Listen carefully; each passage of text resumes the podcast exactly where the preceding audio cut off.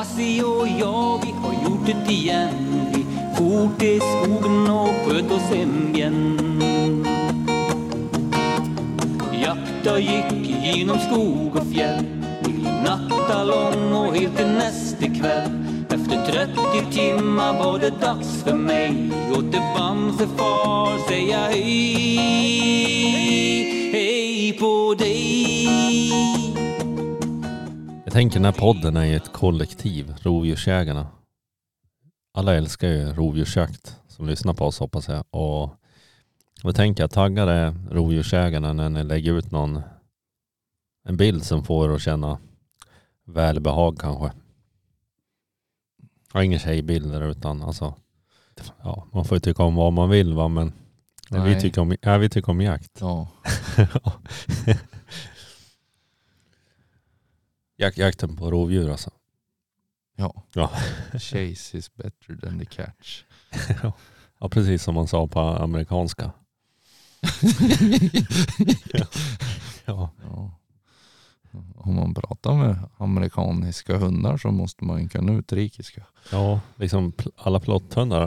eh, Det är ju därför de kanske har problem när man tar, tar hem dem de första tiden. Det är för att man inte pratar ett språk med dem. We don't speak no americano. Nej, precis. Ja, det är sjukt. Ja, det finns ju inget universellt språk. Då får man lyssna på, är det inte Peter Eckerström eller vad han heter? Hundviskan från Sveg. Vart är han ifrån? Nej, Söråker. jag vet inte vad han är. Men han, är, han, är, han kanske kan hundspråk på ett annat sätt. Ja. Men du kan ju prata med dina hundar. Kommer de när man visslar? Det gör ju karelarna där såg jag. Ja, de, alla utom en gör det. Vilken är det då? En karel. ja. ja. nej, nej, men de, ja. Asta är väl inte så pigg på att komma heller. Eh, om hon inte har fått jaga tillräckligt länge. Nej, det är nog svårt att få en hund komma. Sen så springer de ju inte åt motsatt håll. Det, det beror på, har de dragit någon sökrunda och så, så är det väl inget problem. Men skulle du släppa dem direkt från bilen och säga åt dem att komma så får de inte ha kommit några många meter ifrån fötterna. Nej, Tyskarna är ju jävligt lätta. de har väl inte samma sökmönster kanske som en spets eller, eller som en stövare. Nej, de ska ju jaga mycket mer med dig än, än Jo. stövaren ska jaga själv. va? Ja. Vi har ju tänkt då, eller vi släpper ju några Björnhjärts inspirerande avsnitt här med profiler som har lyckats i björnskogen bland annat. Ja, Och idag ska vi ju prata med en liten sångfågel här som kanske har lyckats i björnskogen. Och ja det lär vi få höra. Jag tror det i alla fall. Ja. Eller är det, är det liksom, de här sångerna kanske är bara fiktionellt. Det kanske är om Rasmus Boström han sjunger. Nej men du har ju, du har ju jagat med Roger Bäck och Evelina här och eh, du var ju deras grytsprängare i RAV-kollektivet. Nej, men hunden var... Ja. Ja, Äh, tagning 23. Omtagning. Om, omtagning. Jo, nej men vi var dit, jag och Tilly var det. Eh, I fjol så vart vi tyvärr sjuk så vi inte kunde fara dit. Men eh, år, är det två år innan så var vi upp dit. Till Ljungdalen. Blev det någon rävsprängning eller hur var det? Ja, det blev det. Och det vart liksom en, en räv på spiken till och med. Ja, det... Jag vet inte om det var pojken åt Roger eller Evelina. Det är jag osäker på. Sköt räven. Ja. Och du stod där och var stolt liten hössepojke. Jo, men det är väl det med att åka bort. Man vill ju att hundarna ska prestera. Ja det blir på något vis extra då när man åker bort och man vill i alla fall inte att den ska liksom, Skita i att gå ner. nej precis, skita i tror, att när man åker bort att hundarna sköter sig i alla fall. En, Ja, ja. själv vet man ju, det, det, den kommer inte sköta sig så jävla bra. Hallå? Ja, tjena vad Tom är det här. Ja, men hej Tommy. Alexander Arvidsson här på P4. Ja, tjenare. Ja, tjena. Är det läget? Ja, men det är helt okej faktiskt. Nu får man ju ut och jaga. Ja, vilket spännande telefonljud du har. Det låter liksom ganska dovt, men det låter väldigt bra. Ja, jag sitter i podcaststudion här som vi har byggt. Jaha, är det det?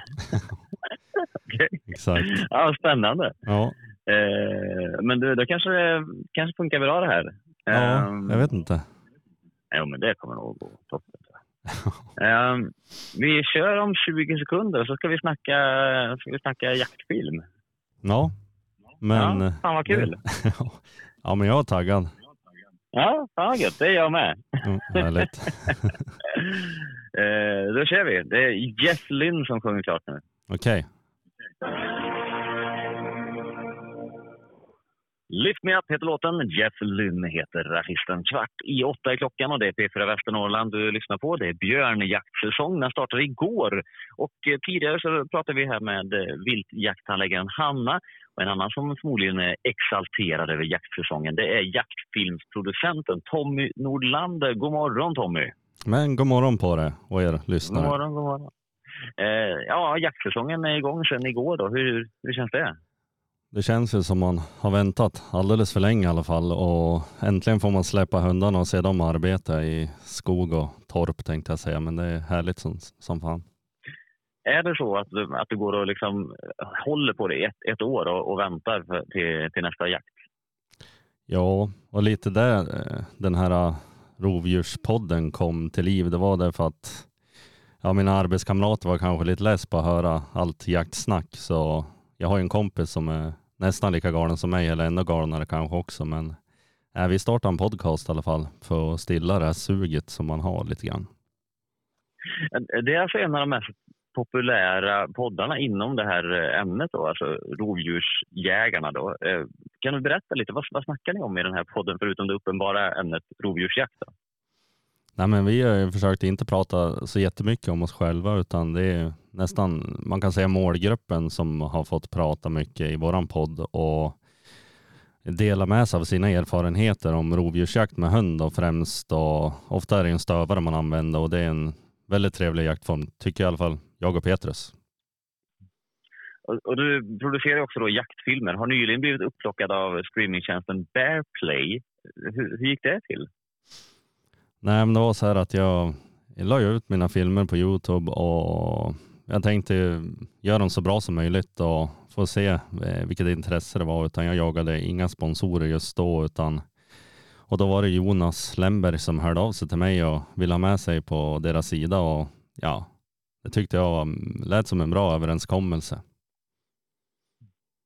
Hur kom det sig att du började med film och, och podd?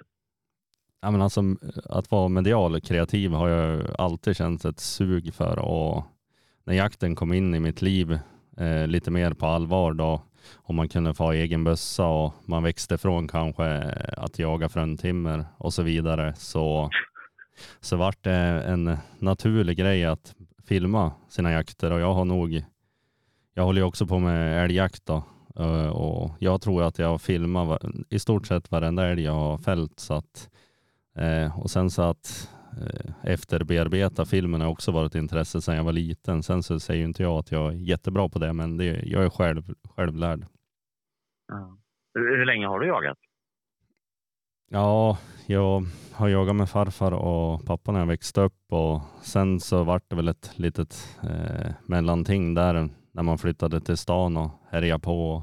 Men eh, sen så har jag väl jagat i alla fall med eget vapen i, ja, kan det vara 15 år i alla fall. Kan du berätta, liksom, när du är ute i skogen och, och är på en jakt, vad, vad känner du då? Nej men alltså känslan är ju där att eh, allt är eh, primärt det hunden gör och höra hunden skälla och kanske då ha med den här valpen ut och få höra de första drevskallen eller kanske ett ståndskall på älg. Eh, det är något speciellt som det, det går inte att beskriva med ord riktigt utan den känslan är eh, unik och eh, jag hoppas varje hundägare får uppleva det och det får de ju om de är ute mycket i skogen såklart.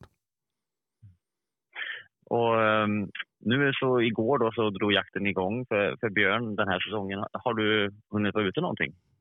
Ja, vi väntar lite grann på ett björnuppslag men vi sitter inte i bilen och köra omkring och leta efter så utan vi släpper ju rävhundarna och jag har ju haft ett par rävdrev redan nu men vi har inte lyckats skjuta någon.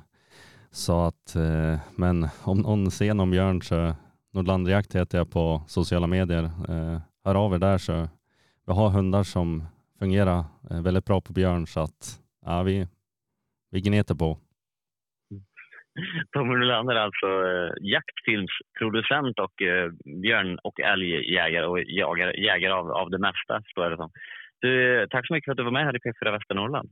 Ja, tack för att ni vill ha med mig.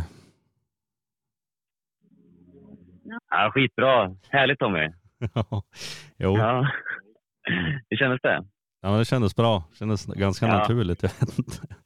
Ja, men det är naturligt. Det är ju Ja. bara det är du och jag som har samtal. Liksom. jo, jo, det är det jag tänker också. Men i vanliga, i vanliga fall så brukar jag ställa frågorna. Men Ja. Ja. Nej, men skitbra jobbat. Kul Ja. att ha med dig. ja, men Det var tack kul att få hänga med någon gång när du filmar. Men vi, nu ska vi ringa Roger Bäck här och få höra vad han har att säga om rovdjursjakt.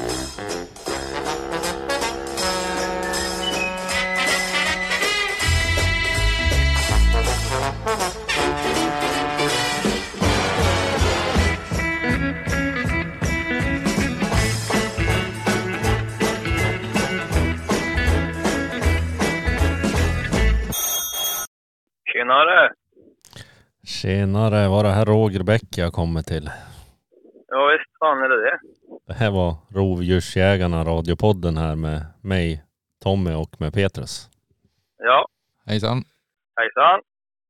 Ja, vi ringer dig idag här för att höra lite grann om sångerna stämmer. Är du en rovdjursjägare eller har varit?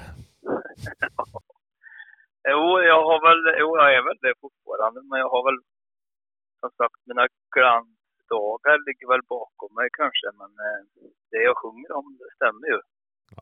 Ja, men eh, hur kom du in på björnjakten specifikt? Ja, eh, jag har väl alltid haft eh, dragning till, till björn och, och eh, ja, framförallt Kanada var det väl egentligen som drog mig in på björn. För jag, ända sedan barnsben har jag väl alltid gått och drömt om att få komma bort till det stora landet i väst och få jaga lite björn. Och det, det gjorde jag faktiskt. Jag åkte över när jag var 17 år första gången.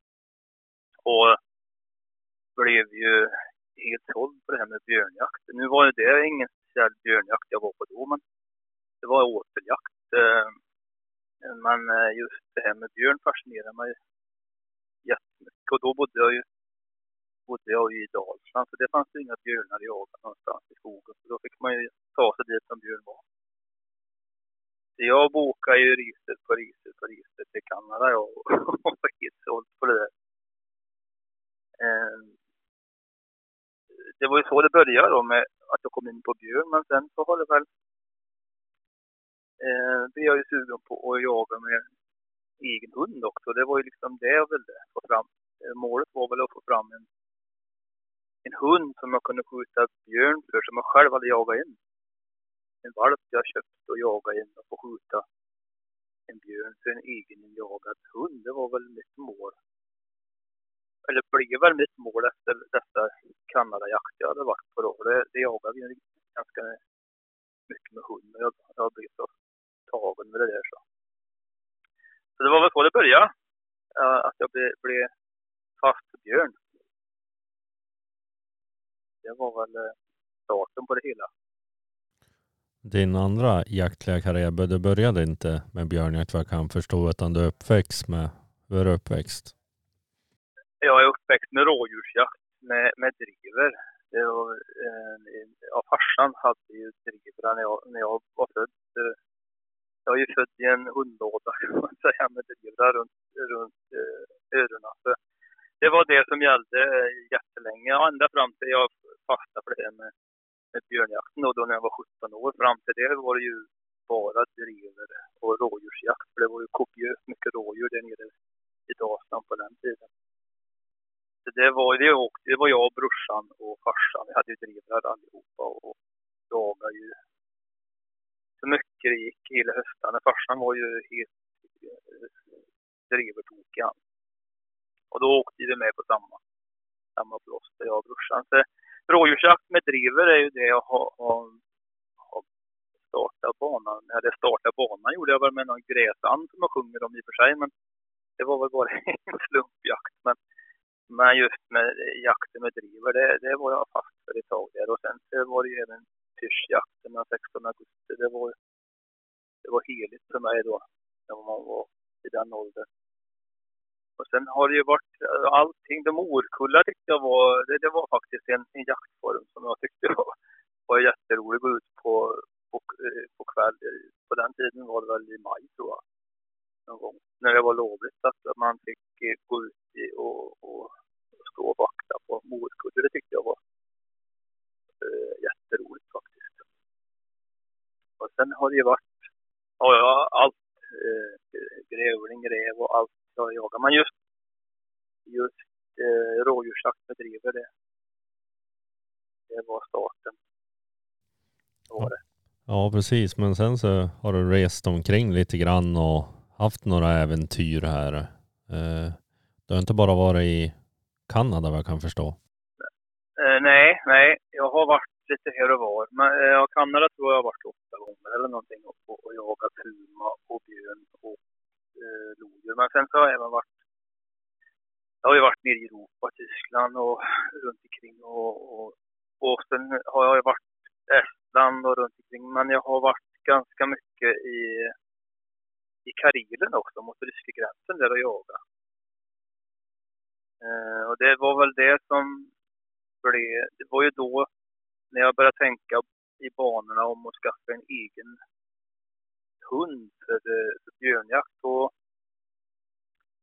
då eh, riktade jag in mig på, på Finland. För det, som sagt, jag hade ju inga kontakter med björnjakt här i Sverige. Utan jag eh, kollade runt lite i, mot ryska gränsen där borta och fick lite kontakter där. Och sen när jag var över och hämtade min första karelare där borta då, då, då var, var det ju tur och retur tillbaka. För jag var, fick ju kontakter med björnjakt där borta då i, i Karelen. Så det var jag ett antal år och jagade, jaga björn. Men, eh, och även varg jagade vi ju där. Jag var där på vintern och jagade varg. Eh, lapptyg höll vi på med då. Men just björnjakten, det var ju sjukt mycket björn där längs med ryska gränsen. Det fyllde ju bara på. Hur mycket man än sköt det fyllde det ju bara på. Ja, hur var det att jaga björn där borta då? Var det, varit med om några roliga episoder där eller hur? Det känns som att det är lite annorlunda än här hemma.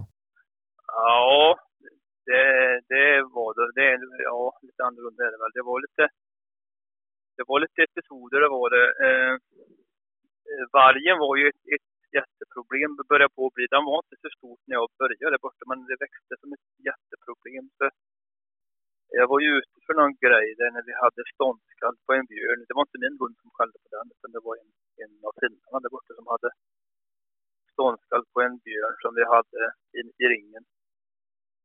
Och det var ju alldeles, eh, det var kanske ett par hundra meter fram till ståndskallet. Och då var det en varg som tog sig in och bet ihjäl den här Karela. Eh, det var en liten slump, eller en, en konstig grej jag var med om, att man, man eh, står och lyssnar på ett björnståndskall och hund blir ihjälskjuten av en varg. Eh, så det var lite, lite kymigt med att man hade egna hundar i bil som man ville släppa också då. Och så var det en, en annan gång som jag var, då var jag ute och, och smygjagade björn på, på kväll satt i någon, någon torvmosse där och, och gick i, i strumplästen. Och när jag, jag, jag, såg ingen björn då, men när jag gick tillbaka till bil i mörkret så, så hörde jag att det var någonting bakom mig som flåsade och flämtade i mörkret. Så jag hade ingen, inga lampor eller något. Jag gick där med strumplästen och när, när jag stoppade så stoppade hjulet bakom. Och det var det tyst och när jag gick vidare så började det gå och följa efter. Och jag tänkte, vad fan är det här? Jag tänkte det väl någon räv som är, är lite nyfiken. Men jag gick, kom till bil och, och eh, hämtade lampa då och gick tillbaka för det var, gick att spåra på vägen. Men då var det faktiskt en varg som hade följt efter mig i, i mörkret. Det var lite sådär, man fick lite kallkårar på ryggen då när man förstod att det var fan en varg. Var det här de första gångerna du kom i kontakt med vargen? Ja, ja det var det. Jag hade ju, vi hade ju inte någon varg i Dalsland eller den nere på den tiden. Eh, jag, hade nog, jag vet inte om jag hade nog aldrig sett någon varg innan eller varit i kontakt med någon varg. Så det var lite sådär, eh, ja, kalla kårar på ryggen. Och så visste jag att jag hade den här nyinköpte karenan i bil som jag gärna ville prägla på Björn då och visste att det här blir inget roligt. Jag kanske var där borta i ja, fem år kanske och jaga. Men sen så gav jag upp då. För det, det som blev upprinnelsen liksom till att jag, gick, jag gav upp, det var, vi var där borta ett år och, och skulle jaga. Då, då 25 augusti tror jag det var, det var samma som i Sverige. Då kom, då kom det, eller 24 kom de, men det var fågeljägare som kom. De hade en pointer och en finspets med sig och skulle jaga fågel.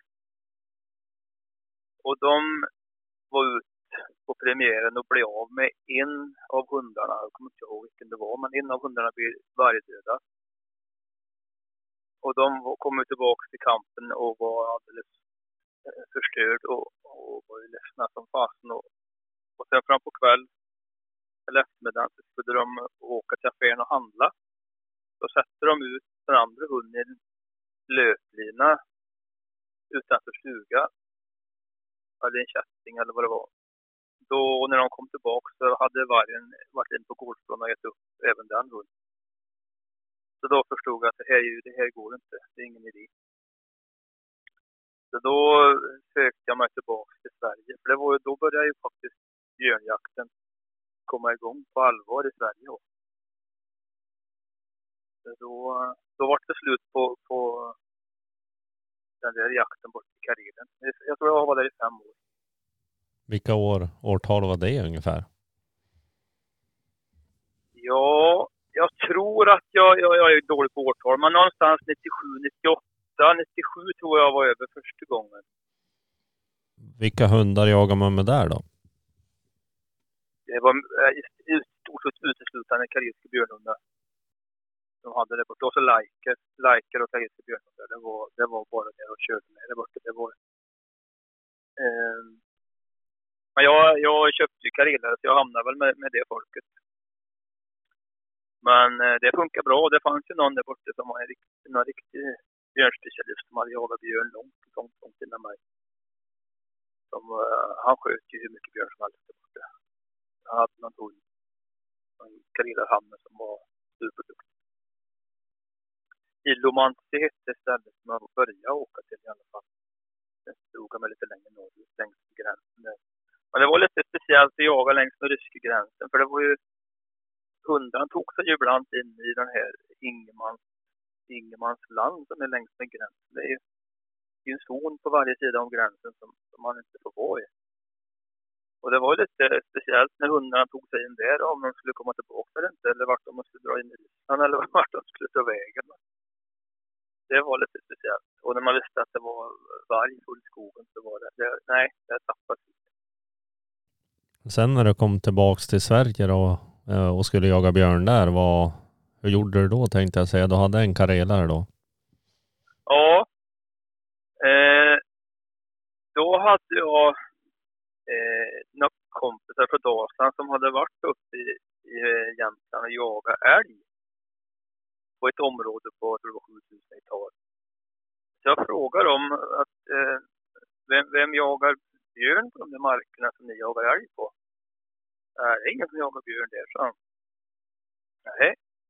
Då fick jag numret till, till han som rådde om den här marken där och, och ringde han och, och frågade om, om det fanns möjlighet att komma upp och, och, och jaga björn på de här markerna.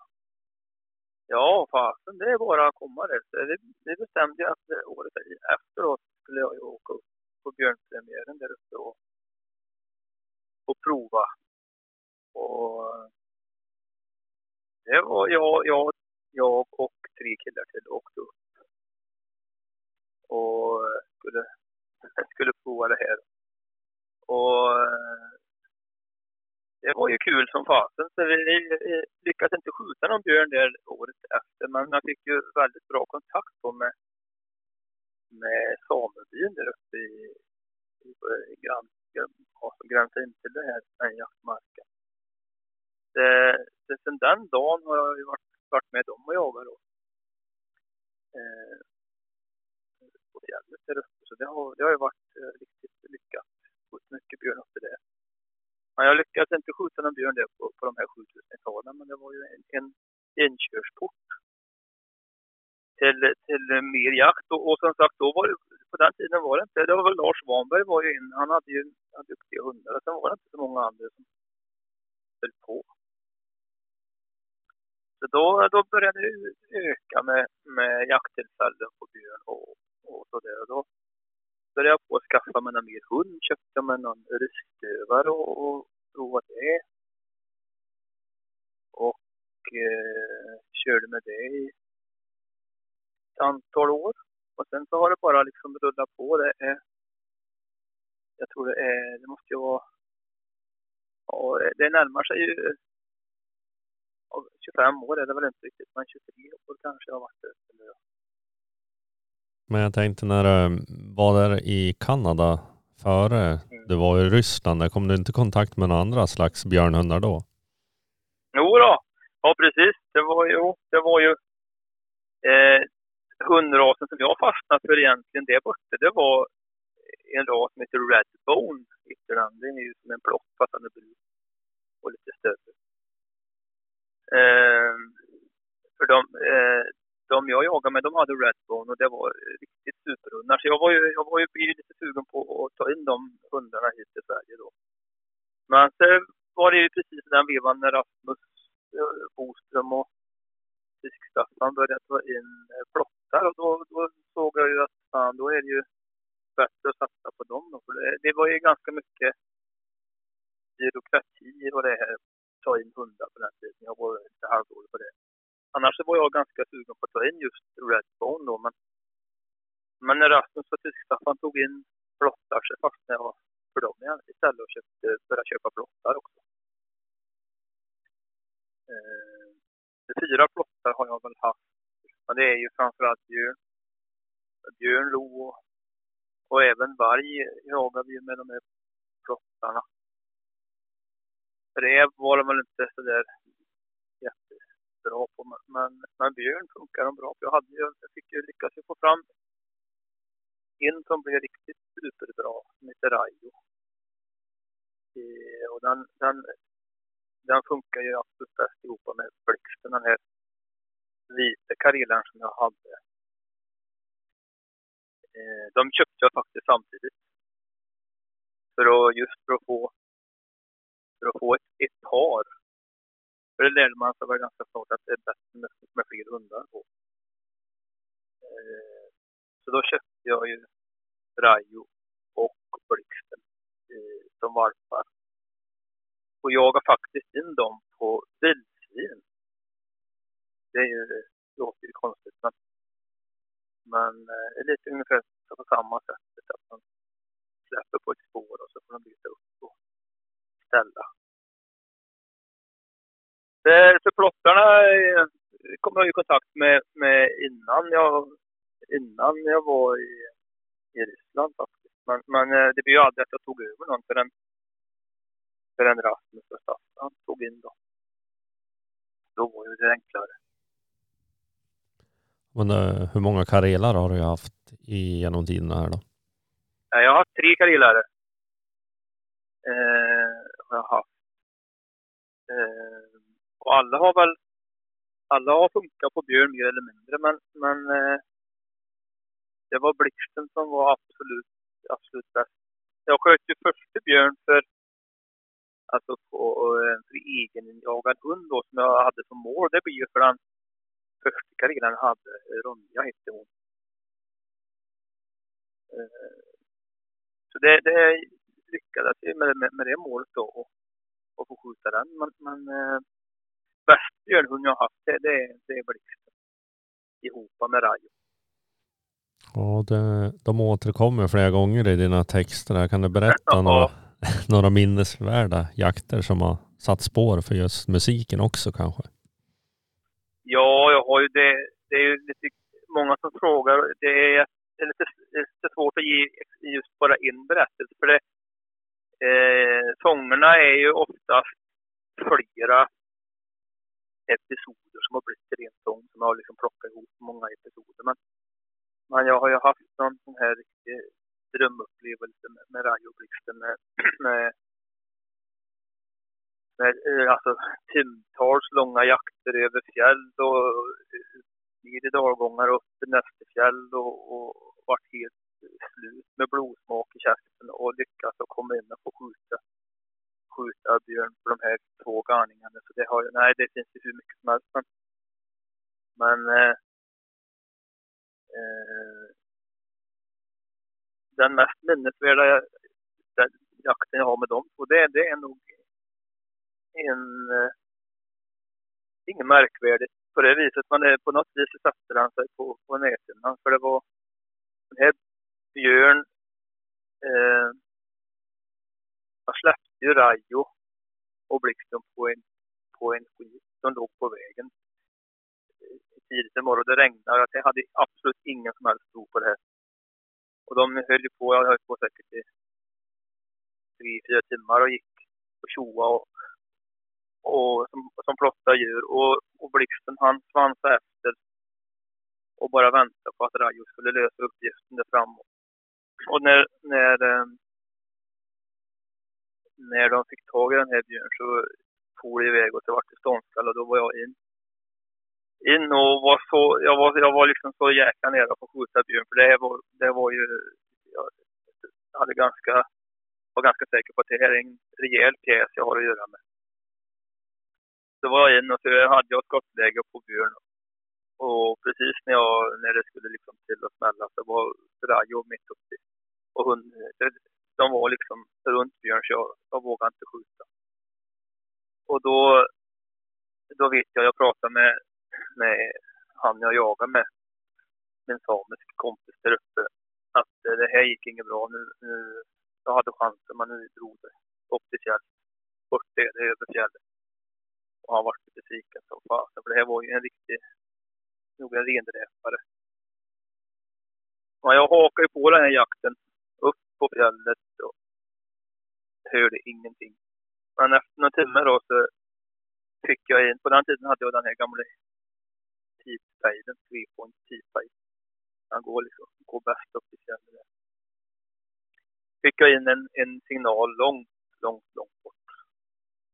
Och jag drog iväg efter det här och lyckades till slut då komma in och få skjuta björn efter ja, fem eller sex timmars lång ståndskall. Och den känslan jag hade när jag, när jag såg, det var en rätt rejäl stor björn och när jag, när jag fick tag i kompisen och berättade att nu, nu ligger han. Och han grät när jag berättade. Det var, det, det var så häftigt och det var ju en sån det var, för mig som kommer söderifrån så var det en mäktig upplevelse att få jaga i fjäll. Och sen så var det inte bara slut med det utan det skulle jag utan därifrån också. Så det var ju också ett projekt. Så det, nej, det var, det var en minnesvärd upplevelse. Ja, det är liksom så fina vyer där på fjällen också. Så att, Ja, herregud. Det är helt makalöst.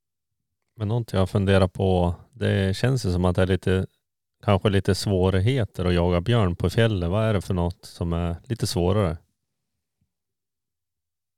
Ja, det är, det är ju helt väglöst land så det är ju, det blir ju när de drar iväg upp till fjäll så man bara har benen till, till hjälpen så är det ju, man hinner ju inte oftast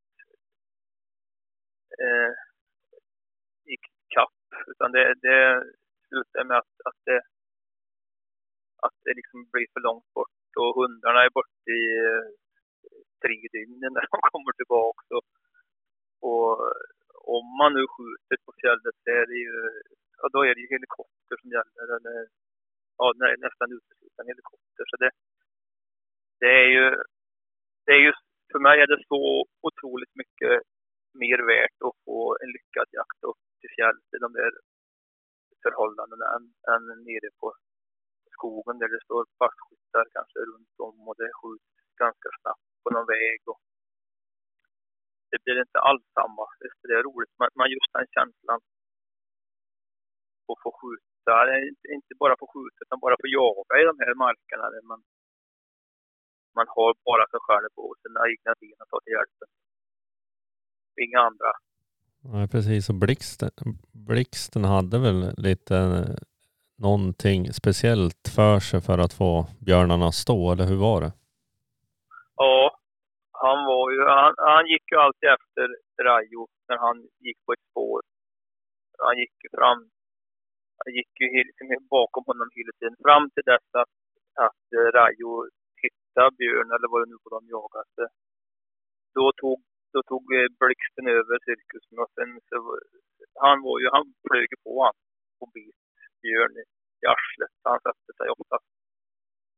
Och då vart det stopp. Så han var ju, han var ju mer vild än tam den där hunden.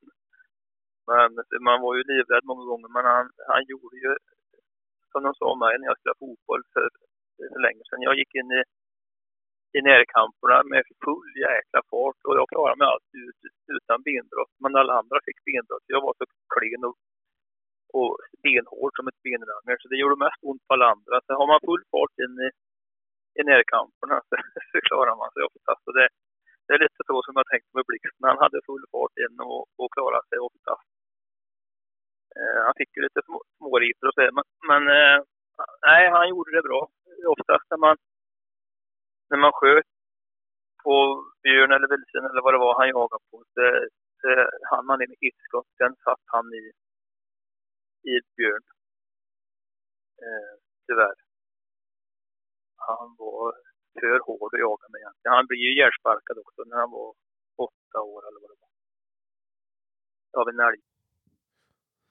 Men han har bjudit upp till dans någon gång? Ja, han har gjort det och han var ju, han var ju tidigt ute med jakten också. För eh, ofta, för oftast är det ju att man kanske får vänta till de blir en tre, fyra år innan de börjar på att funka. Men han funkar ju från dag ett i stort sett. Han, han, han, han, så jag fick en ganska lång karriär med honom ändå fast han bara blev åtta år.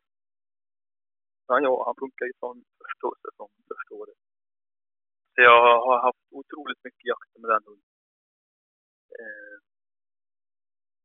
jag har ju någon, någon filmsnutt eh, faktiskt där han, där han, eh, när jag skjuter, det är Rajo Blixten som en björn som, och när jag, när jag skjuter första skottet på Björn så eh, flyger han ju på.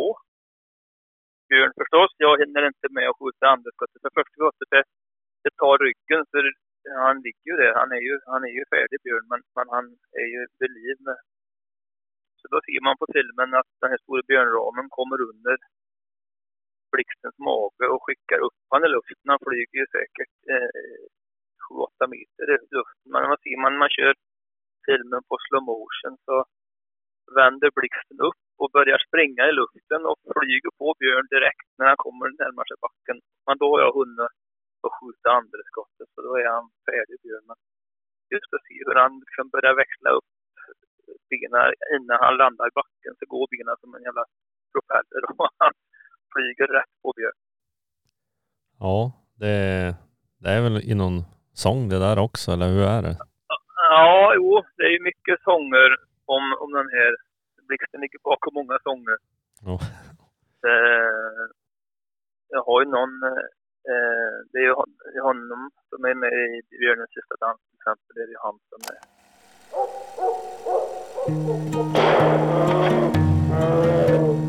Klocka är sju en augustikväll och sola och lyser över höga fjäll. Dimman ligger tät över myr och bäck och i Lillfjällshöjden hörs en gren som knäcks. En rauchoxe lämnar stolt sin gren och ut ur dimman kliver en ren. När jag nu bort mot regnbågen går hör jag tydligt och klart var ståndskallet står. Nu är det björndans och Pulsen den slår. Ut på hjortronmyren finner jag ett spår. Nu är det spänning som man kan ta på. Längs med ryggen min en rysning jag får. Jag hör björnens vrål och hans argsinta dans. Jag vill inte vara Anna och Rajo som, som eh, ligger bakom den sången. Att, eh, och även den här eh, eh, när till och med gubben i månen fick björnfrosta. Ja. Eh, då, det är ju faktiskt som man sjunger. Eh, jag eh, kände ju faktiskt eh, andedräkten på Björn. Eh, och det var väl det är väl en av de få gångerna som man, man har blivit eh, riktigt svag efteråt. Det, det, det har inte två tillfällen som jag har blivit sjukt eh, knäsvag efteråt. Jag har inte hunnit innan jag följde men, men direkt efteråt så har, det, har benen blivit som gelé och jag har blivit helt, kan inte gå. Men är det för att björnen ska ta dig eller att den har gjort en anfall mot hund eller hur har det varit? Nej, det här har varit två gånger som, som eh, han har kommit mot mig då, som jag har fått, fått omkull. Och när jag har sett hur, hur det hade kunnat gått det här så har jag blivit, då, då har jag blivit knäsvag. Så då är man inte så tuff längre. Nej, det är, det är inte alltid man är det. Nej, nej. Så nej, de har bjudit mig på många äventyr, Rajo och Blixten. De var ditt radarpar om man säger så när det gäller björnjakten här. Ja, ja det var det.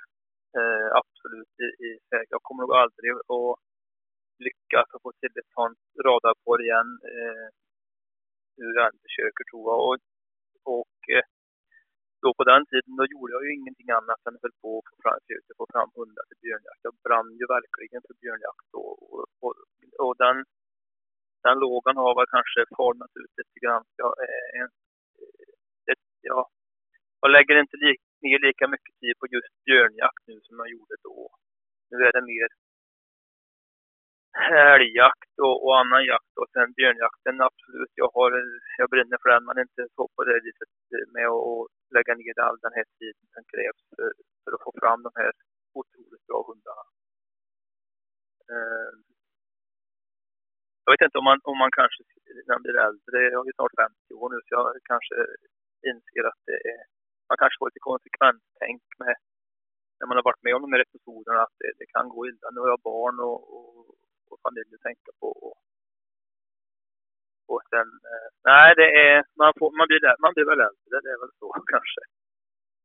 Eh, sen hade jag ju förspänt med, med mycket björn på markerna och, och, och ett, ett radarpar och då blir man ju inbjuden på mycket jakter också.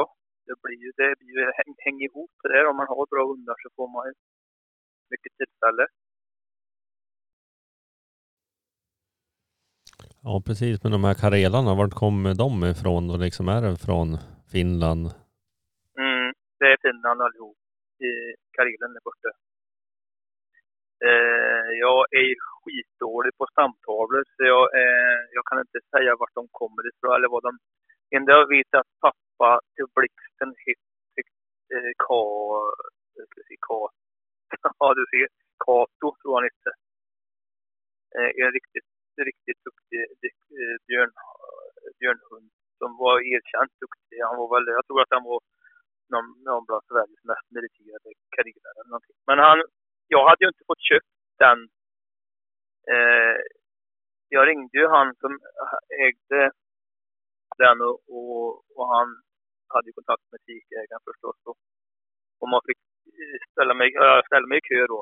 Ja, men jag hamnade ju långt bak i kön på den där parningen. Så det, det, jag hade ju ingen chans på den. Men, men när de var född så ringde, ringde han och sa att eh, det har blivit en av valparna som är helvit. Och eh, han, det är ingen som vill ha den. Så då frågade han mig om jag ville, ville ha den. Så jag då sa, köpte jag den på telefon att jag, jag köper den osedd. Jag kan ha den. Så jag. Och det var Blixten. Han var ju helvit Kritvit. Och det var ju det var ju faktiskt en otroligt stor fördel när man jagar björn och har en vit hund. Eh, för att se vart hund var. Eh, det var värre med plotten för han kunde, han kunde vara väldigt dold bland buskar och, och ris och, och moras. Men blixten han, han såg jag nästan alltid först när, när man kom in på något ståndskall. Så det var en otrolig fördel att ha en vit hund, det, det, det får jag säga. Och han älskade att bada och simma och han, och han valde, han valde ju björn före älg. Jag jagade även älg med blixten men, men han valde det kom han, kom han på ett björnspår och när han jagade älg så bytte han till, till björn. Det är inte hund jag haft som har gjort det. Oftast är det tvärtom, att de byter från björn till älg. Men han, han gjorde inte det, han gjorde tvärtom. Han. Och sen så hade jag väl lärt mig att höra skillnad på skallet också när han skällde björn. Så det, det, var ju, det blir en stor fördel av det. Ja, men eh, varför flyttade du till Jämtland? Var det vargarnas skräck? Ja, eh, ja kom, kombinerat med, med kärlek och eh, ja, men kärlek till, till min fru nu då, min numera fru och även kärleken till, till Jämtland, till fjällen. Det var väl egentligen det som drog mig hit upp. Eh, det var det som drog mig hit upp då när jag var här uppe då första gången jag var uppe och jagade. Fast, eh, jag, fast, jag sjunger även om i någon sång att, att eh, själen, hjärta och själ fastnar, det blir kvar där uppe. Eh, jag flyttade upp på grund av, eh, av eh, kärleken till Jämtland, kärleken till min fru och, och även eh, jag så kallad, vad kallar man, vargflykting. Eh, jag blev av med två hundar där nere i i Dalsland som vargen åt upp för mig och farsan blev av med en. Så då, då blev det likadant som det var i Finland kände jag nästan på att, att äh, lägga ner all den tid som krävs på, på dessa hundarna och, eh, och så ska de bli vargmat när de är sex år. Det, det var det var jobbigt, så då, då bestämde jag mig väl för att flytta upp. Men jag, jag mellanlandade ju i fem år, eller vad det var, i, i Dalarna och jagade, jag hade jaktmark där också och jagade där i fem år. Det var ju också ganska mycket björn då på den tiden. Så, men eh, nu har jag bott här i Jämtland i tio år snart. Och nu känns det som att jag hamnar, hamnar rätt. Ja, precis. Men eh, vad har du för hundar i dagsläget? Två jämthundar och en fintövare. Och eh, eh, jämthundarna är ju, det är ju i dagens läge är det ju älghundar eh, som jagar björn. Det är inga björnhundar utan det är älghundar som jagar björn. Jag har skjutit tre björnar för, för eh, Batti här nu då. Eh, tiken som jag har. Jag har en valp efter henne men Eh, jag sköter tre för henne, men jag tror att hon kanske har varit ute för någon, någon grej som, som har, har blivit lite skraj nu. För nu, de sista två säsongerna har hon inte, har hon inte jagat björn mig veterligen. Men eh, eh, jag tror att det är någon episod som, som hon har varit ute för. Men jag, jag har ju en episod med henne faktiskt som är lite speciell Björn jag sköt för henne är ju den det är ju den episoden som kom ut, den sista låt som kom ut, eller sista, men senaste är det väl? Ja, det vet vi. Senaste, senaste låten som kom ut med Basti och jag är ju om den där jakten jag hade med, med Basti. Det, det var ju helt, helt galet. Det, det, det tog ett tag innan jag liksom gav ut den här, för jag tänkte det är ingen som tror på, på vad ändå. Men, men eh, för den, sköt, den björn sköt jag ju faktiskt dagen efter hon tog upp den. Hon höll ju på med den i över 30 timmar.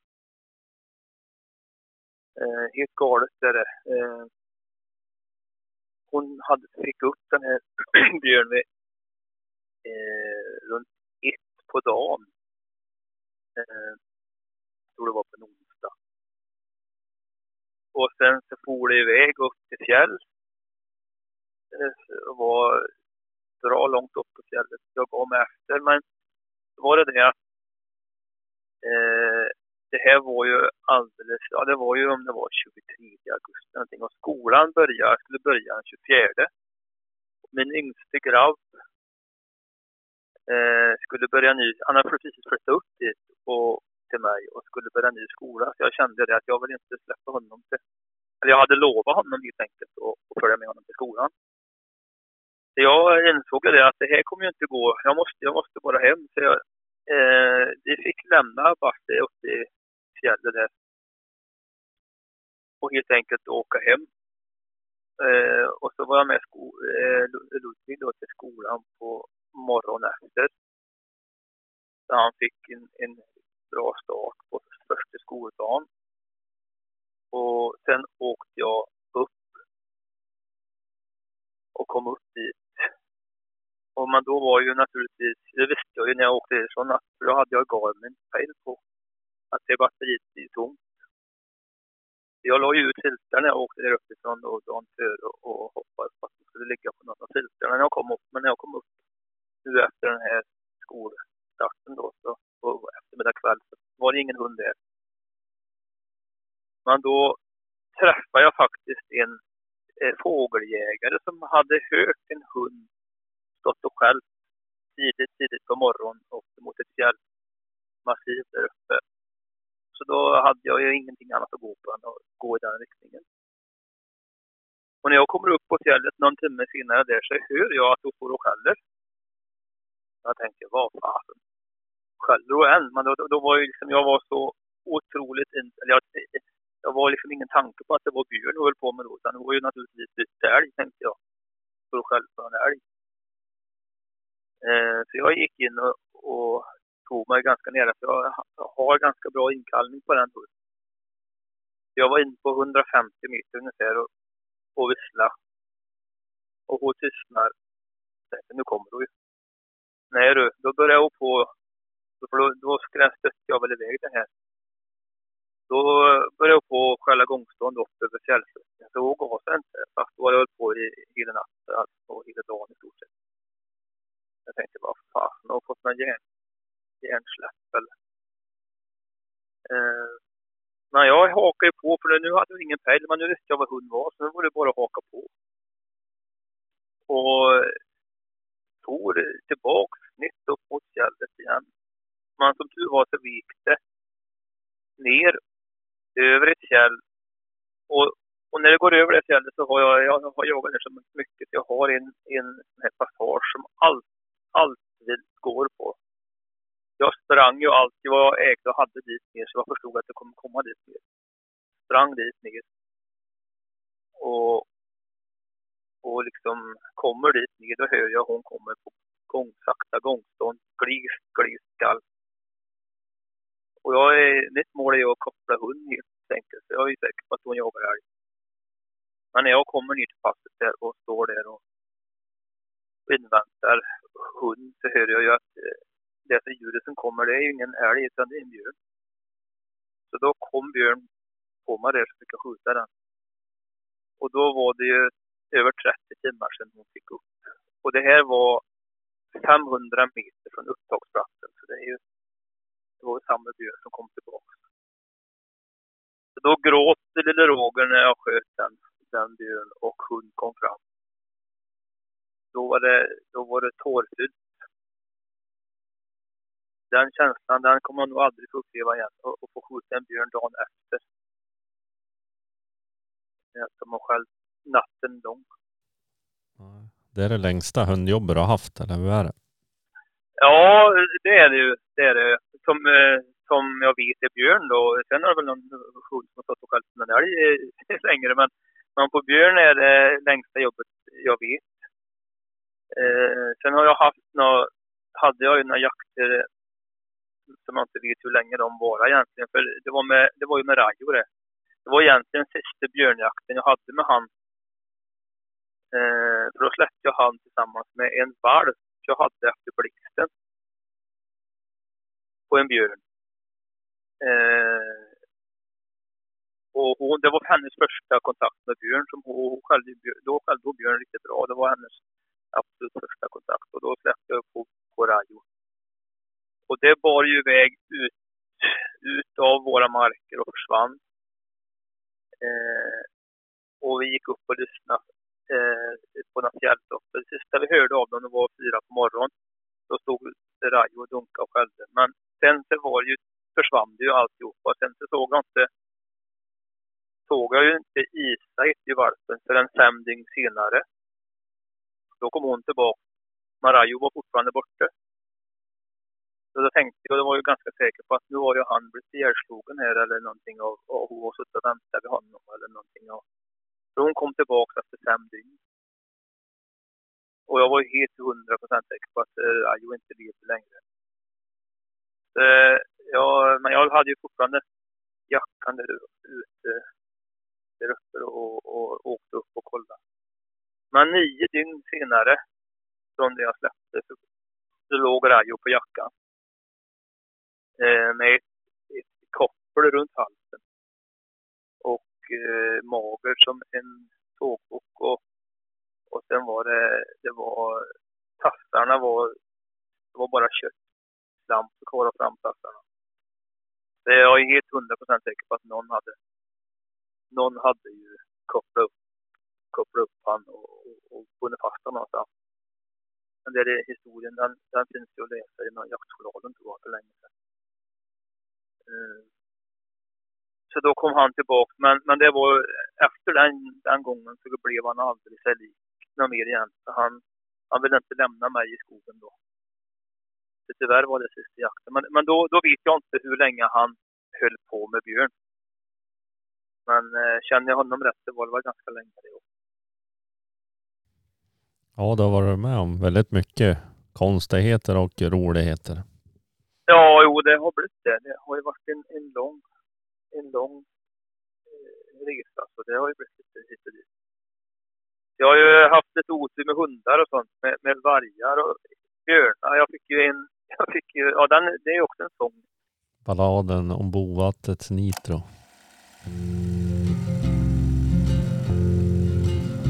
Det var i slutet av augusti på Lillfjällets brant.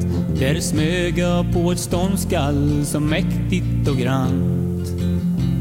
Det ekade bland bergen och jag rös in i märgen när jag hörde vad det var som de skallade på. För jag hörde hur det vråla och skrek men ingen av hundarna vek. Ja, då kändes det som om att livet är lekte och vad livet kan vara härligt ibland. Men den glädjen den blev allt för kort. För det var dagen då Nitro gick bort.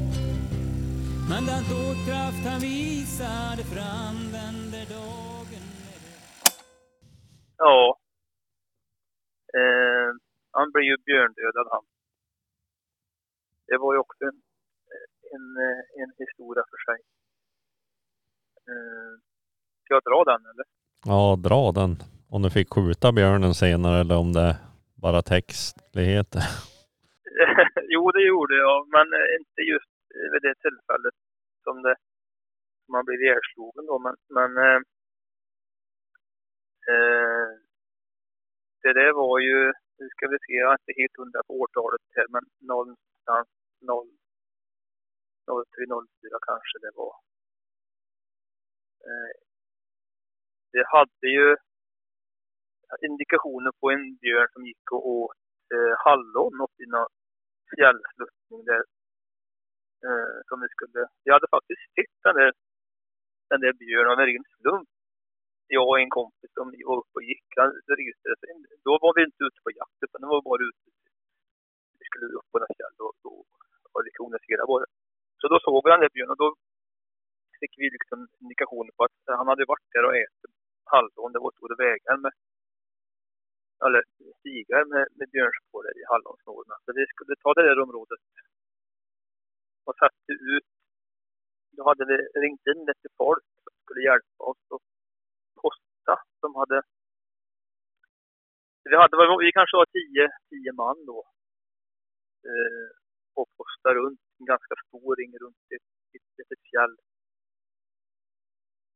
Och jag och kompisen vi drog upp eh, från varsin kant med hundar och varsina hundekipage. och när jag kom upp emot det här hallonsnåret så började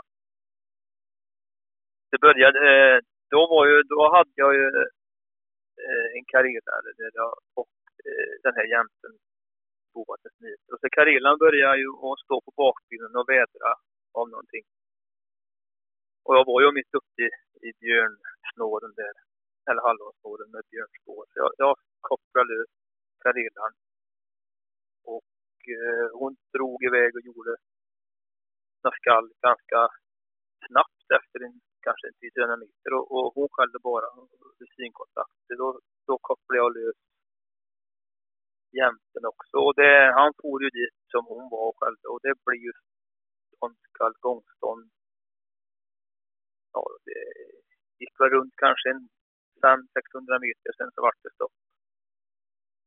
Och ett jätterungande ståndskall med två hundar. Och jag var ganska säker på att nu är det björn, så det var ju spännande som fasen. Och eh, jag hade ju inte så jätte... Jag var inte så jätteerfaren just på den tiden att gå in på ståndskall på, på björnar. Men, men då tog jag mig så sakta och säkert in och då hade jag bara eh, även då bara den här Swepoints tidpejl. Ingen Garmin, det var, hade jag inte införskaffat då, utan det var bara tidpejlen. Kommer jag så väl ihåg. Och när jag kommer in på 70 meter, ungefär 70-80, 90 meter kanske, från ståndskallet står jag och avvaktar i väntan på, på att Lövin börjar på att snurra lite grann, så jag står och avvaktar. Då hör jag Nitro skriker till som fasen. Och så blir det tyst på alltihopa. Och så, eh, ja, jag står och avvaktar ifall det kommer något nytt håll eller vad som händer. Jag förstod att någonting hände med, med Nitro där inne. Och, och så smyger jag ju upp när, jag, när, jag, när det inte kommer någonting till mig. Eller inga, händer ingenting. Jag har stått någon minut utan att något händer. Så smyger jag upp pejlen. Och ser. Och då får jag bara in en pejl. Det var två, två halsband jag hade, men jag fick bara in en pejl. Och det var på eh, Karilan. Hon var ganska långt bort. Hon drog iväg. Då förstod jag att hon är nog efter björn. Men Nitros pejl fick jag ingen kontakt med. Så jag tänkte, vad som ah, hände nu? Så jag gick, eller smög och gick sakta in, in på den här platsen där då. Eh, trodde det var. Och gick där och lyste och hittade ingenting. Eh, och stod och funderade vad jag skulle göra nu. För då tog jag upp pejlen. Men då såg jag att då var, då var Karelan på väg tillbaka. Så då inväntade jag henne där. Och när hon kommer tillbaka till mig så, så gör hon ett varv runt mig upp till berget. Och så skäller hon till två gånger. Och så kommer hon ner till mig igen. Och då, då förstod jag att där uppe är det nog någonting. Då gick jag, hon fick leda mig fram då. Jag gick efter henne dit upp och då, då fick jag ju se under en gran, där låg Nitro. Och levde ju. Han låg med huvudet uppe. Men jag såg att det här är ju, det här är ju ingenting att rädda för magen hängde ju ut. Det var ju liksom, han var ju öppen emellan revben och ljumske var det helt öppet. Det var, hängde mag, tarmar och alltihop hängde ut. Och han, jag såg ju på honom, han var ju liksom, hängde med huvudet. Jag, då gick jag faktiskt, tog jag Karelan och gick ner en 300 meter och band fast henne. Så att hon behövde vara med i det här. Och så gick jag upp igen. Och insåg att det här är ingen idé. Jag var ju långt upp på fjället och jag såg ju bara en utväg. Så då, då klappade jag han på, på axeln och sa att jag ska ta min hämnd på det här och sen så sköt jag han. Och begravde han på plats. Jag, eh, skrev ner han där uppe i, i samråd med, med Lars Svanberg faktiskt. Jag ringde han. Han var ju naturbevakare eh, då på den tiden. och eh, jag tog en massa bilder på honom. Och, och sen, jag, jag, jag sa till honom att jag tänker inte gå, jag tänker inte bära ner han. Han ska få begravas här som han stupa. Och eh, så gjorde vi. Det eh, kom, mötte jag upp Svanberg och han på bilder och alltihopa. Så det blev dokumenterat och försäkringsgrejer och alltihopa. Så det var inga problem. Men då, då eh, gjorde vi en, eh, ja vi avbröt naturligtvis jakten där och då för det var ju, alla var helt tagna och Björn var borta. Eh, sen, var, sen var vi faktiskt där senare, vad kan det ha varit, en vecka senare kanske ungefär. Då var jag upp till platsen där. Och det var ju lika mycket björntramp där då, så då förstod jag att, att han är tillbaka, Björn. Men då var jag förbi platsen till eh, där eh, Nitro låg begraven. Och då hade, han, då hade Björn varit där och plundrat plundra graven och, och ätit upp det som var. Och då, då, då såg jag svart. så då bestämde vi oss för att den här björn ska vi ha. Och, och vi sköt han faktiskt, eh, jag tror det var 14 dagar efter att, att Nitro vart dödad. Så, så sköt han. Eh, det var en, det var en sån där... Ja, en av dem som var med den dagen slutade jaga björn då faktiskt. Han, eh, han tyckte det var så otrevligt. Han, han ville inte jaga björn. Han, han, han la björnbörsan på hyllan. Så, kan det gå. Men det, det blir en bra sång av det i alla fall. Ja, han är som ihågkommen på något vis. Ja, han blir det. Han blir det. Eh, och det är ju inte, inte, inte hund som jag har fått eh, dödad av en björn i alla fall. Sen har jag fått några rister på dem, men ingen, ingen mer som har blivit dödad. Men eh, jag hörde ju när, när ståndskallet gick, eh, det var en sakta gångstånd upp i den här fjällsluttningen innan det blev stopp. Eh, jag såg inte, men jag tror, jag inbillar mig, för det var en, en sån här slänt med en massa eh, sten som hade rasat från fjället. Liksom. Eh, jag fick för mig att han kastade sten ner över hundarna. För det, det låt så som han... Okay, det for stenar genom skogen. Han var nog riktigt irriterad tror jag. För jag har, en, jag har väl någon liten egen teori om att kanske Nitro fick sig någon, fick någon touch av någon sten kanske så han liksom inte var i fullt vigör. Jag tror ju inte att han, jag är ganska säker på att han flög inte på björn, det gjorde han ju inte utan Eh, om man kanske fixar någon sten på, på sig eller någonting och, och vart lite, ja, han inte stod till undan på något vis. Det är väl min teori kanske. Men annars har du använt jämthundar även tidigare?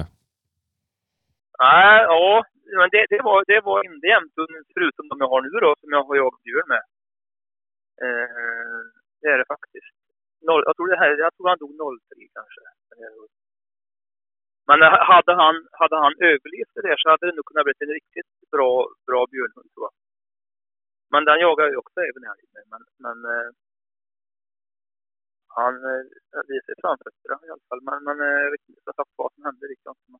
Men det är, det är nu, nu, på den tiden hade jag, det är det inte, inte jämthund jag hade. Annars var det karelare jag hade. Och så ryssdövare, flottar och en halvdensstövare har jag haft. Och, och brandhundar och allt möjligt. Jag hade ju någon plott som hette Brätten som, som jag inte blir lika bra. Men eh, ja, jag har haft jättemycket olika skrothundar. Blandrashundar och allt möjligt. Men om du ska ha en renodlad eller en björnhund idag, vilken skulle du ha valt då? Jag tror att det, det skulle nog bli en plott igen faktiskt då i så fall. För eh, eh, de är så säkra på det här med... För problemet med, jag upplever i alla fall med björnjakten idag, eh, det stora problemet tycker inte jag är att få en, en hund och skälla på en björn som står framför ögonen på dem. Utan det stora problemet är att lite upp var är björn. Där faller det oftast. Att, eh, jag, jag skulle nog välja att ha en en som klarar av att leta upp björn och även skälla på honom när han hittar honom. För det där är lite ett dilemma tycker jag, att har du spetshundar som är duktiga och skarpa så har du oftast problemet då när du, när du ska leta upp var är, var är björn. Och har du en tändstövare jag, som jag har nu då, jag har ju en tändstövare nu som jag, som jag jobbar på, på, ja, på det nu då, men, men han, han vågar inte skälla björn eh, själv han. Han driver bara björn. Han letar upp dem och, och gör allting rätt så, men när Björn bjuder upp till dans då, då börjar han att stå, stå stora ringar runt och, och inte vågar. Men det, det ser jag väldigt styrkan i plotten, att, att det är mer plottar som vågar skälla Gör när de väl hittar. Sen så tycker jag, jag, jag tycker absolut det, det roligaste, för det, problemet lite grann med, med, som jag upplever det i min värld, men att det inte lika gärna lika lätt blir ståndskall då när man jagar med plottar kanske. Men, men eh, för, för, för det absoluta liksom, tjusningen med björnjakt tycker jag det är att få gå in på ett ståndskall. Men, och det blir, det blir nog lättare med spetshundar. Men man, man kan inte ha allt. Men, men skulle, jag, skulle jag köpa en, en björnhund, eller en hund att satsa på som ren björnhund idag så blir det nog en bra. Du har inga planer på att fortsätta med det gamla Ja, bandet? men jag, ja, återuppta gamla synder jag säga. Men eh, jo, eh, nu när det har blivit som det har blivit här nu då med, med stor björntilldelning som kommer vara länge i Jämtland och björnjakten kommer vara lite längre period så blir man ju sugen, absolut. För, eh, för jag, som det har varit nu några år så har det varit, det har ju varit så kort säsong tycker jag. Det har varit, eh, ja, då får man ju åka runt och, och åka runt halva Sverige för att, för att jaga björn där det finns björn kvar på licensen. Men jag har inte valt att gjort det och jag har inte haft hundarna heller. Men då, i och med det så har det blivit att jag har inte... Nej, lusten har avtagit lite grann.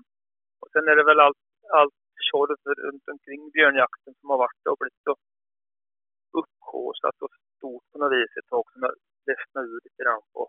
Jag eh, har följer, följer tillbaka lite grann här nu på, på älgjakten där man kan gå ut och jaga själv. Jag, jag är ju lite ensamjägare jag, jag vill gärna kunna gå ut själv och släppa en hund och liksom vänta på upptag och, och nej. Och nu, nu har jag fått så mycket bra älgjakt här uppe i Jämtland. Nu, nu, nu, den, det kommer jag ju hålla på med. Men, men absolut eh, kommer det här att fortsätta med, med så mycket björn kvar på licensen eh, långt in i älgjakten här så kan jag nog tänka mig att satsa på en, på en renodlad björnhund igen. Absolut. För det, det, är en, det är en liten passion jag har för björnjakt. Jag har alltid alltid varit svag för den. Av någon anledning, jag vet inte varför. Så vi får se om, om det kanske blir en, en plott. Jag vet inte, vi får se. Men den finsta, nu kom du in på rävjakten då?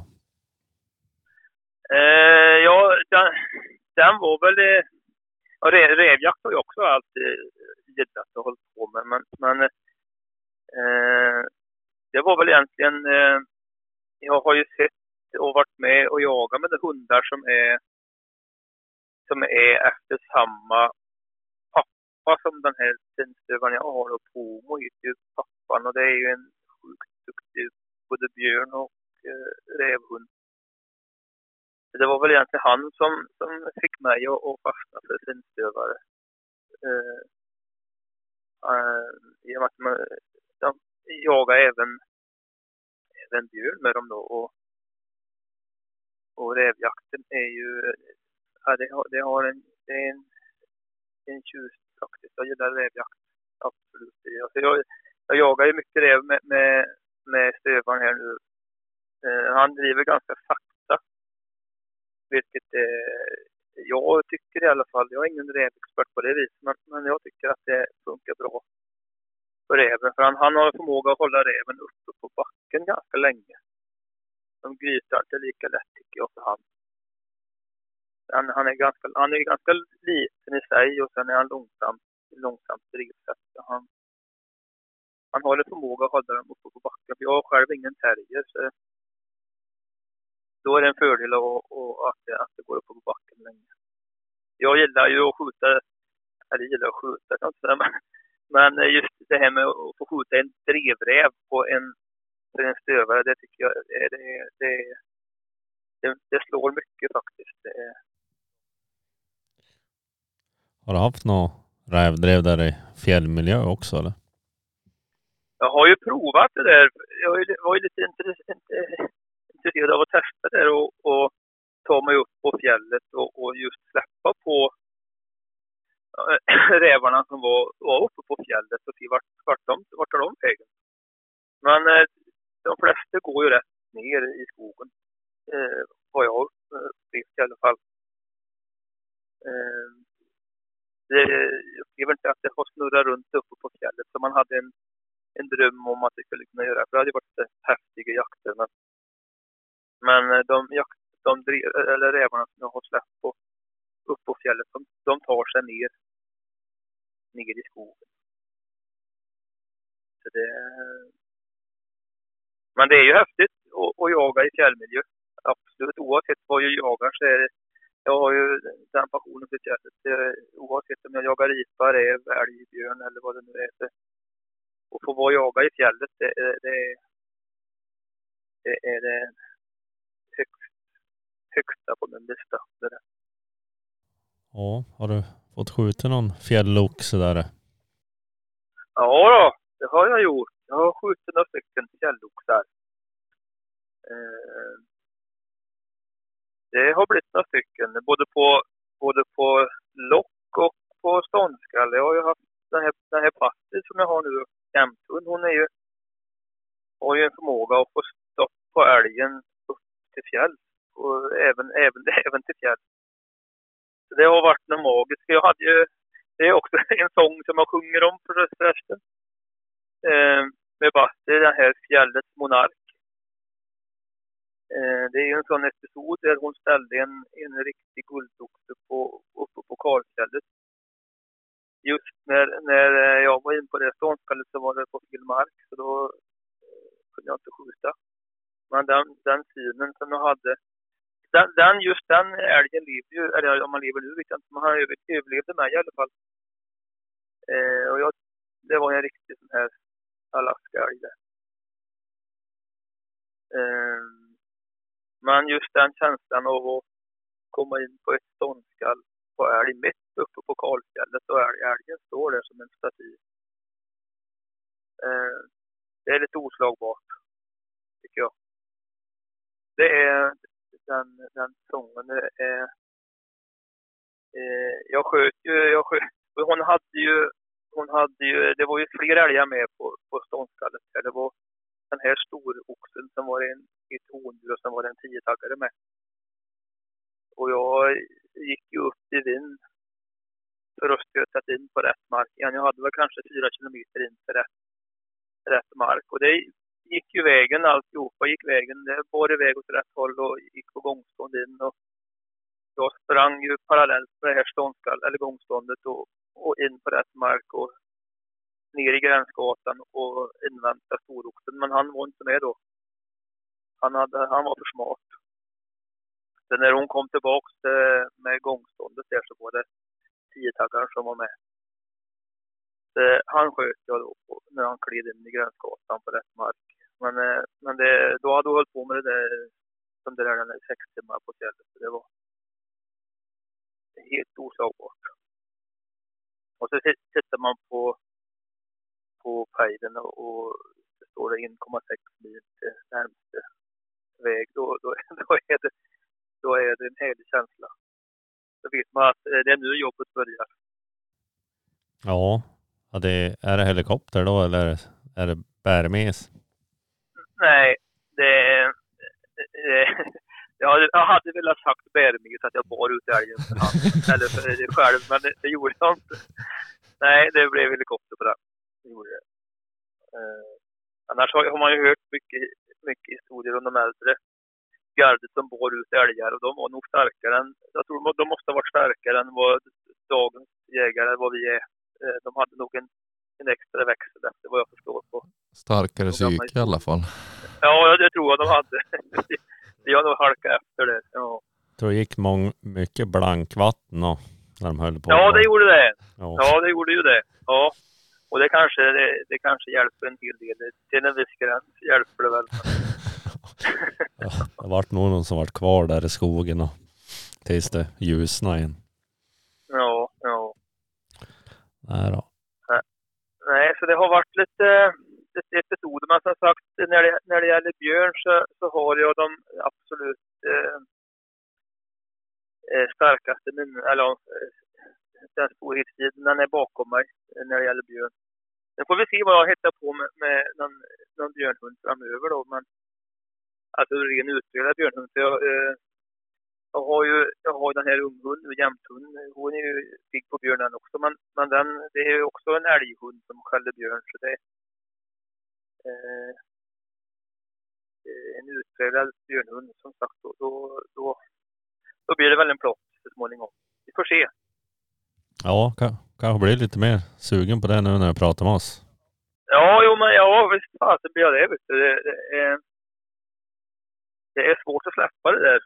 Jag vet, jag vet att jag, när jag åkte till Kanada första, första gången och, och, hade skjutit min första svartbjörn var det. så, av, någon, av någon konstig anledning så satte jag upp något mål om att jag skulle skjuta tio björnar i mitt liv. Och då gjorde jag det. Eh, och jag, men då åkte jag ju över Eh, och jag vet inte varför, men, men det, det är konstigt att man har, att man har sånt driv eh, till björnjakt när man är uppväxt i, där nere. Det kanske, kanske var det som var grejen, att man inte hade tillgång till det. Eh, att jag fick sån passion för just björn i tid. Ja, det var ändå en av de första som aktivt jagade björn känns det som. Jag var med i starten i alla fall, det var jag nog. Eh, ja, starten, jag var eh, Svanberg de här är mycket äldre än vad jag är, men, men just eh, när det började på att dra ihop sig mot den här, eh, skjuta så mycket björn som, som det gjordes i, i Sverige då. Det gick ju ganska fort därifrån. Jag kommer inte ihåg årtalen nu, men, men eh, alldeles åren innan jag började jaga så var det ju inte så många björnar som sköt i, i Sverige. Och sen nu är vi uppe över 220 bara i Jämtland. Det, är, det har blivit en drastisk ökning. Det, men, ändå då när, när jag kom, eh, alltså några år efter jag kom, kom upp i Jämtland och det, det, var ju, det ökade ju lavinhoppet. lavinartat. Det var ju björn precis överallt då ett tag. Och det är det väl nu också på vissa områden mer österut i Jämtland. Men Vem vet, vi får se vad, vad framtiden har i sitt sköte. Om, om kommer här om ett par år med en blivande stjärna. Ja, Jag vet inte, det är kanske är de låtarna som går bäst som handlar om björnjakt. Jag vet inte. Ja, de, ja, jo, men det är det väl. De har väl tilltalat folk. Det är väl spännande förstås att höra på det. Och, och, eh, men, men, men det som jag tror det som är absolut mest framgångsrikt eh, om man ska skriva sång, om man ska skriva musik, tips till de som ska skriva musik, eh, det är att skriva om hundar. För det, det tror jag är, det verkar vara, verkar vara en framgångssaga. Det är väl att folk, folk känner igen sig och kan relatera till, till, till hundar. Eh, för så fort jag sjunger om hundar så, blir det populärt. ja. Och det är ju det jag gör. Så, eh, eh, jag har haft mycket hundar under åren. Jag har ju haft många drivrar också på den tiden. Jag passerar några hundar genom, genom dörrarna här. Har du hunnit byggt någon sån här äh, timmerstugor eller är det bara, bara jakten eller? Nej, nej, ja, jag bygger ju timmerstugor för så mycket jag kan. Flytten rinner. Jag, jag, nej, jag inte, nu, har jag, nu håller jag på med, med lite projekt som ska vara klart här innan jakten. För jag vet hur det går när jakten drar igång. Att då blir det inte mycket gjort. Men övrig, övrig tid då, då bygger jag timmerstugor för det vilda. Det är bastuar och det är vindskydd och attefallare och och de här lite mindre projekten som är mest populära. Det är, det är hur mycket jobb som helst. Men är det något speciellt? Jag tänker Rasmus Boström har ju också någon timmerman och så har vi dig då. Ni börjar nästan samtidigt. Ja, det kanske, är- det kanske är ett vinnande koncept. Jag vet inte. Eh, ja, nej, ja, precis. Är, han, han timrar ju han också. Så det, nej, jag vet inte vad det är som... Jag tror att, eh, eh för, för min del i alla fall, jag kan bara prata för mig, men jag är ganska säker på att det är samma för Rasmus, att, att, eh, att, eh, att det blir just timring, det, det kanske är en slump, men, men just att, att man har ett jobb, när man är så jaktintresserad, att man har ett jobb som man kan styra över själv och lägga upp, eh, lägga upp eh, hösten som, eller året egentligen som, som man vill. Eh, ska man ta en anställning till exempel så är det inte lika lätt. Och Det har väl alltid varit mitt mål att kunna liksom vara egen företagare och, och kunna livnära mig på, på det. Och då har ju timringen blivit ett sånt, det kan man hålla på med vid lediga stunder och hemma Vi behöver inte ha några dyra eh, lokaler, eh, oftast ja, eh, tält klarar du det. och så. Det behöver liksom inte vara så dyra. Det behöver inte kosta så jättemycket. Men, men du har eh, du har en inkomst. Sen om det är skogsröjning eller vad det nu är för något. Men, för min del så eh, kan man hålla på med någonting som, som jag, där jag kan styra min egen tid. Det är det viktigaste. Sen om det är timring eller om det är röjning eller vad det nu är. Det, det är väl inte hela världen. Men som sagt måste kunna eh, planera själv. Jag har provat att vara anställd några gånger men det funkar inget bra. När jakten kommer. Nej, då blir man arbetslös. Ja, det blir det. Nu var du sjuk i två månader nu. Ja, visst. visst.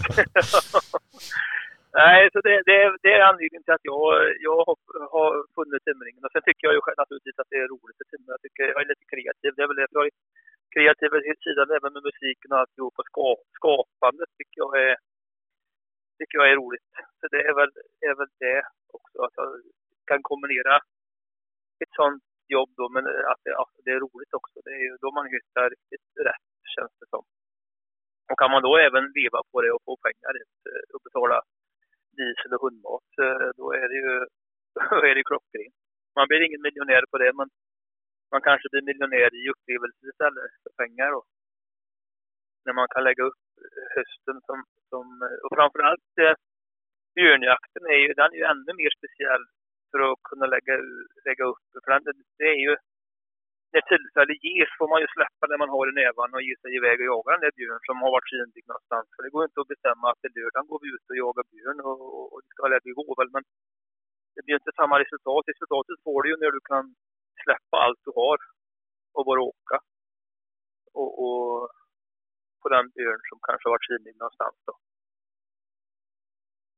För det, och sen även rävjakten, lojakten, all jakt är ju väderberoende. eh. Att man, man du lyckas ju absolut bäst med bäst förutsättningar och, och, och kan du då ta ledigt när, när spårsnön har legat i en dygn och du har perfekt spårsnö och kan ha bra förutsättningar, då ökar ju chanserna att lyckas och både få fram bra hundar och, och, lyckas med jakten. Så, rovdjursjakten är ju, då är man ju än mer beroende av att styra sin egen tid. Ja, det känns lite så. Och så blir ju grän, eller marken blir så mycket mindre när det blir spårsnö och så man vill ju... Ja, visst den blir ju det. Den minskar ju. den gör det. Så, nej, jag menar älgjakten, den är ju ofta så att eh, man har bestämt eh, alltså hur länge som helst i förväg att den lördagen och den helgen ska vi jaga älg. Och det går ju när man jagar älg, men, men eh, när man jagar rovvilt så är det inte lika lätt. Så, när det, I alla fall när det är beroende av väderlek och vind och observationer och allt vad det innebär. Så gå ut och eh, gå ut och släppa en hund på frisök som i tron på att han ska leta upp en björn och skälla den. Det, det, det, är, det är väldigt få som lyckas. Men det är, få, det är väldigt få som har så bra hundar som enbart letar björn. Eh, eh, det blir ju oftast något annat. Ja, eh, de tar på sig någon räv eller något. Eh, det finns ju naturligtvis de hundarna som funkar på det sättet. Men jag har inga sådana hundar som man kan gå ut och släppa och till att slita upp en björn. Utan det, man måste oftast ha någonting att börja på. En skit eller observation eller spår eller att här har björn varit i natt. Då har man ett utgångsläge i alla fall. Ja, precis. Men nu har tiden runnit iväg ganska kraftigt här och jag tänker att jag vet inte hur länge de orkar lyssna på oss eller mest dig kanske. Nej, de, de börjar lyf- lyssna nu kanske. Så Ja. nu kanske vi får ta och ge oss. Ja, det var ett väldigt härligt och intressant eh, samtal här. Ja, jajamän. Hur ser det ut för, för eh, med Björn ute där mot Ljungdalen då? Jag var ju med och jagade räv där en, en sväng med er. Ja, precis. Just. Nej, eh, det, är inte, det är ju inte lika mycket björn där. Det är det inte som det är här uppe över. Eh, det är naturligtvis inte björn, men inte alls på det sättet som, som det är här. Det är, men där är det däremot eh, bra mycket mer räv och då. Så det är ju jättebra att åka dit ner på, på, på vintern och jaga räv. Ja, exakt. Jo, det var ju jävligt trevligt. Ja, och mycket räv är det i de trakterna. Jag vet inte vad det är där nere, för det är mycket mer räv där nere än vad det är här uppe. Har alltid varit så. Ja, men vi får tacka för det här samtalet och att du ville vara med. Ja, tack själv, tack själv. Det hö- hörs vi på jaktradion. Ja, jag exakt. hörs det på vilken kanal är det? Ja, det vet jag fan. Öppen etta eller? Öppen öppen etta, eller rak elva som man Ja. säger ja, precis. Ja, men ha det bra så skitjakt och så hoppas att vi ses där vid någon björn snart kanske, vem vet? Ja, vem vet. Ha det gott så länge så, så, så hörs vi. Ja, men Ja. tack så mycket. Och tack som att du ville vara med. Ja, Ja, Mil efter mil med hundarna på min bil. Jägarlivet är fantastiskt och jakten är mitt liv. Det var i Dalslands djupa skogar långt från barer och från krogar som jag började att jaga på allt som jagas kan. Den första hund jag hade, jag hann